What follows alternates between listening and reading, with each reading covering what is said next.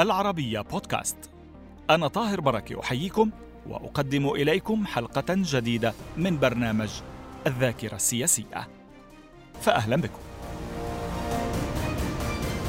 في الحلقة الرابعة من سلسلة يكشف عضو مجلس قيادة ثورة الفاتح عبد المنعم الهوني أسباب رفض الرئيس المصري الأسبق أنور السادات اقتراح الوحدة التي عرضها عليه الرئيس الليبي معمر القذافي.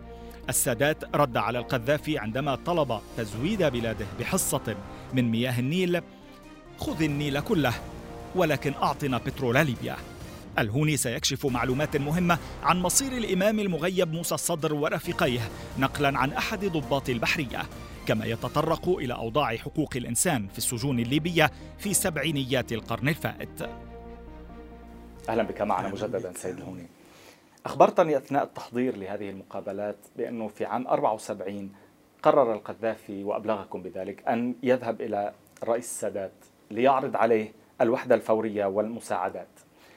ما كانت تفاصيل العرض وما كان الغرض من وراءه؟ هل كان عنده نوايا في هذا الشأن أو كان فعلا يعني فقط لديه نية الوحدة؟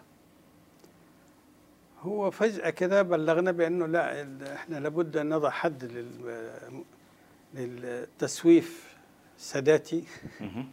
أن إحنا كل ما نطلب وحدة هو يرفضها كل ما نرفض إحنا وحدة هو يقبلها هو الأسد.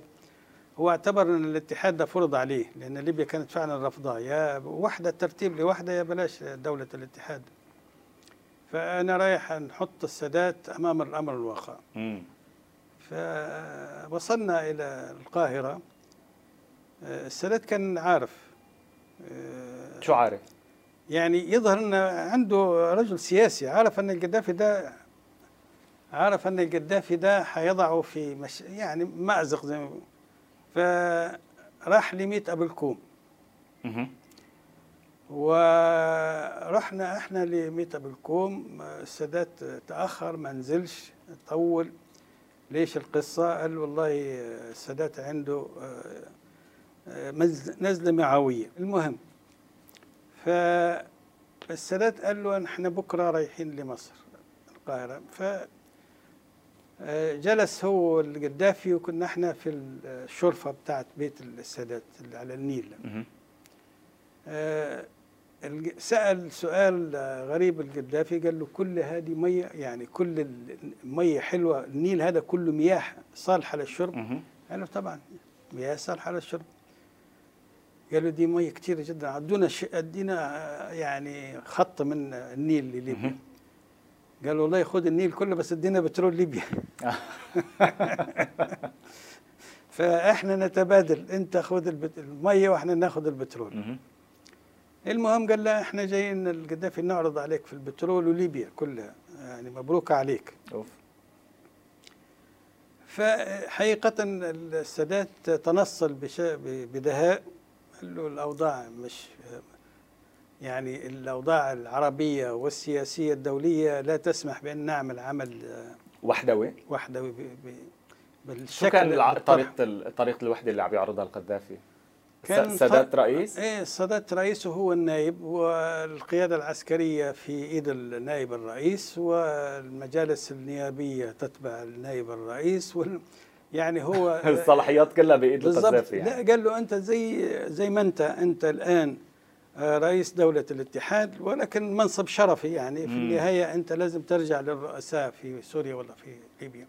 إحنا نجع يعني نحقق هذا الهدف الوحدوي وأنت تأخذ برضو المكان الشرفي وأنا يعني نتولى هذه المهام بالنيابة عليك وتتابع أنت أول بأول وأي نصيحة إحنا في في الخدمة يعني أي المهم السادات يعني حاول إنه يستوعب أو يحتوي القذافي ويعني طبعا فشل المشروع لاحقا بالضبط السادات كان وقتها يعني عنده واضح انه عنده رؤية يعني م. طبعا لم يعرضها على على مع القذافي اللي ما بعد 73 قصدك والتحضير لكامب ديفيد بالزبط.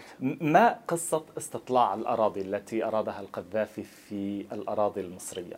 في قبيلة منتشرة في كل أرجاء ليبيا. في كل أسف أرجاء العالم العربي. العالم العربي. مم. هي أصلا قبيلة سعودية. مم. وانتشرت من الخليج إلى المحيط يعني. وأكثر كثافة موجودة في السعودية في اليمن آه آسف في القبيلة دي في اليمن وفي شمال آه، السودان في منطقة دار أم درمان والمناطق البحر الأحمر وفي جنوب مصر وفي ليبيا. فهو يعني كان يعتقد أن هذه القبيلة ممكن يجند منها مجموعات كثيرة وتحصل اضطرابات كثيرة في داخل المملكة. يعني تقوم تذهب إلى المملكة وتقوم باضطرابات هناك بما أنه أصلها من هناك؟ إيه، ابتدى يدرب في عناصر منها ويتسلل درب في عناصر منها؟ نعم نعم. ويكافئهم القذافي بعد ما يقوم بهذه المهمة بالأراضي اللي حيستصلحها في مصر. والأراضي اللي حيستصلحها في آه، السودان السودان عمل اتفاق ب 500 ألف فدان مع كمان لنفس الغرض؟ لنفس الغرض وكان طب آه، شو صار بعدين بالمشروع بالنسبة لمصر؟ المشروع هو السودان كان يعلم تفاصيله يعني م. وكان بيسيروه يعني في نفس الوقت كان السودانيين عارفين أن كل الملايين اللي حتصرف في النهاية حتبقى في السودان م. لكن هم عارفين نواياه؟ عارفين بالضبط والمصريين كانوا المصريين عارفين؟ المصريين كان نفس الشيء كانوا عارفين, عارفين. بالضبط في أوائل 75 عندما تفاقمت الخلافات هل كان يلمح القذافي تهديدا إليك؟ يعني هل كان يلمح لك بتهديد معين من خلال كلام معين أو حاول أن يتخلص منك أو لا؟ بالفترة اللي كنت بعدك فيها بالداخل قبل اكتشاف محاولة انقلاب عمر المحيشي هو كان مش يعني تخلص لا لكن كان يؤكد أن إحنا يعني زي ما يقول أنا عارف كل شيء إن هو فعلا عارف كل شيء امم هو كان مكلف سرايا الأمن اللي كانت تحرس الأعضاء والوزراء كان مكلفة بكتابة التقارير اليومية كل بعد كل واحد مخابرات على الآخر يعني. بس آه بس حضرتك يعني وجه لك شي مرة تهديد مباشر آه، أو مبطن؟ آه دائما في إحدى المرات وجه أنه أنت لما تروح لأي مشوار ما تاخذش معك الحراسات اللي هو مكلفها. امم يعني يعتبر إنك أنت غبت عن نظره يبقى أنت تحركت في شيء يجهله وممكن يكون شيء تآمري. ففي أحد المرات أنا كنت فعلا عندنا الأعداد في ليبيا لما يأتي معك حد لابد أن تستضيفه زي ما فكان عندي عزومة عند أختي. فته يعني تحشيت أن ناخذ السرايا سراية الأمن دي اللي هي كانت في سرايه الأمن اللي هي بتحرسنا كلنا. السياره فيها أربعة أفراد مع السائق.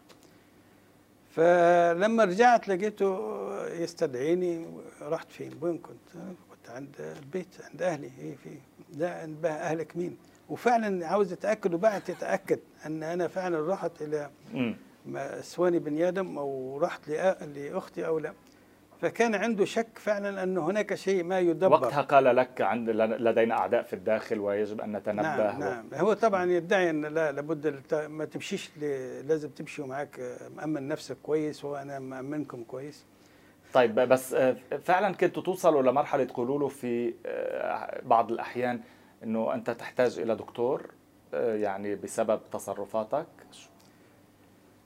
هو كان في بعض يفتعل الانفعال لدرجة أنه يعني كسر مكاتب يكسر يعني كان فعلا ينفعل إلى درجة الهيجان. حضرتك قلت له هذا الكلام؟ آه لازم تعرض نفسك على الدكتور ما ينفعش. أنت أنت عندك شيء ما لازم تعالج. فطبعا رافض هو العلاج. وفي كلام يقال حتى السادات في أحد في أحد ما أعرفش إذا كان آه، الحديث ده منقول على لسان الرئيس السادات الله يرحمه أو هو فعلا قاله. نعم. أن في أحد زياراته في مصر تم عرضه على أطباء نفسيين يعني.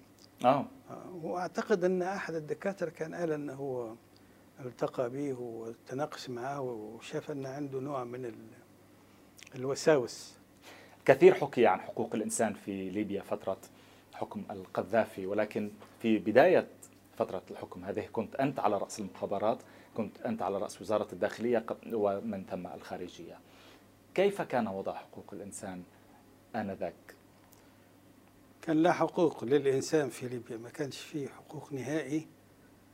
آه يعني آه في ثاني يوم رمضان في سنة آه 73 أعتقد آه أنا كنت مكلف بمتابعة المسجونين. الموقف نعم. كان المعتقلين السياسيين. نعم.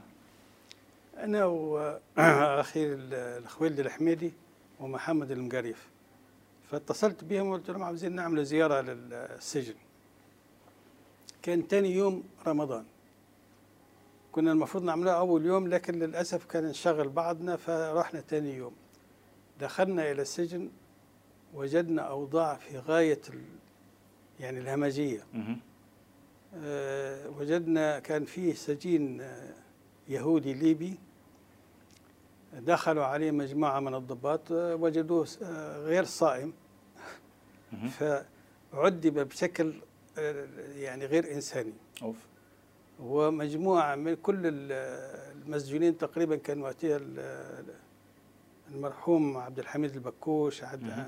عبد العزيز آه، الشلحي يعني عبد العزيز الشلحي ده مضروب إلى أن صباع الصغير طاير أوف صبعه الص- الصغير في رجله طار من انفصل من ال- الرجل كان في آخرين غيره ضباط آه، عذبوا بشكل همجي بشكل فعلا همجي لا أخلاقي لا طب. هذه كانت بأوامر من القذافي؟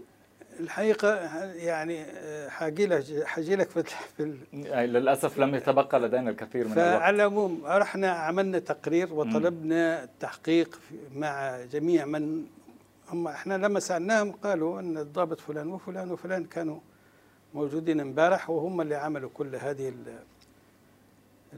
كل هذه الأضرار هم السبب فيها. فقدمنا وطلبنا فعلا التحقيق وتوقيف هؤلاء الضباط. فالقذافي عشان يخرج من هذا المأزق اللي وضعناه فيه فعمل لجنة برئاسة محمد المقريف. وعضوية النائب العام ووزير العدل للتحقيق مع الضباط آه، اللي عرضوا على لجنة التحقيق كان ضباط لا علاقة لهم بالتعليم. جاءوا ناس حتى يظهر أنه ما فيش الكلام ده هذا التعليم ما فيش آه، المهم وهذا بتدبير من القذافي نفسه نعم بتوجيه من آه، يعني أنا متأكد أن أنا طبعا وزير العدل قال هذا مم. إنه في توجيه أن إحنا مش عاوزين آه، نضر الضباط إحنا محتاجين لهم. ماذا تعرف عن قضية اختفاء الإمام موسى الصدر؟ بعد انتهاء نظام القذافي فكان ضباط كثير تشجعوا ان يتكلموا. يعني فالتقيت بأحد ضباط البحرية في مصر هنا نعم وتكلمنا على حاجات كثيرة. فروى لي قصة أنه هو يع- يعني رآها, رآها رؤية العين يعني مش قصة رويت له. قال لي أنه هو كان في أحد الأيام آه، باللباس العسكري وموجود في آه، أحد الزوارق بتاع خفر السواحل. خفر السواحل من ناحية التدريب يخضع إلى البحرية ومن ناحية الإدارة يخضع إلى وزارة الداخلية طيب لكن صديقي هذا يعني قائد الزورق سريع وأنا معاه فلاحظنا أن في سيارة عسكرية وقفت ونزلوا منها مجموعة من الأشخاص وحملوا ثلاث أشياء في أكياس سوداء. آه، وطلب مني أن نغادر يعني ثلاث أشياء ماذا جثث؟ جثث آه، جثث اللي بيقفلوها مهم. جثث موضوعين في في كيس أسود. زي ال sleeping bag نعم. آه، وبيقول برضو ظلت الثلاث جثث في الأكياس حتى من بعيد.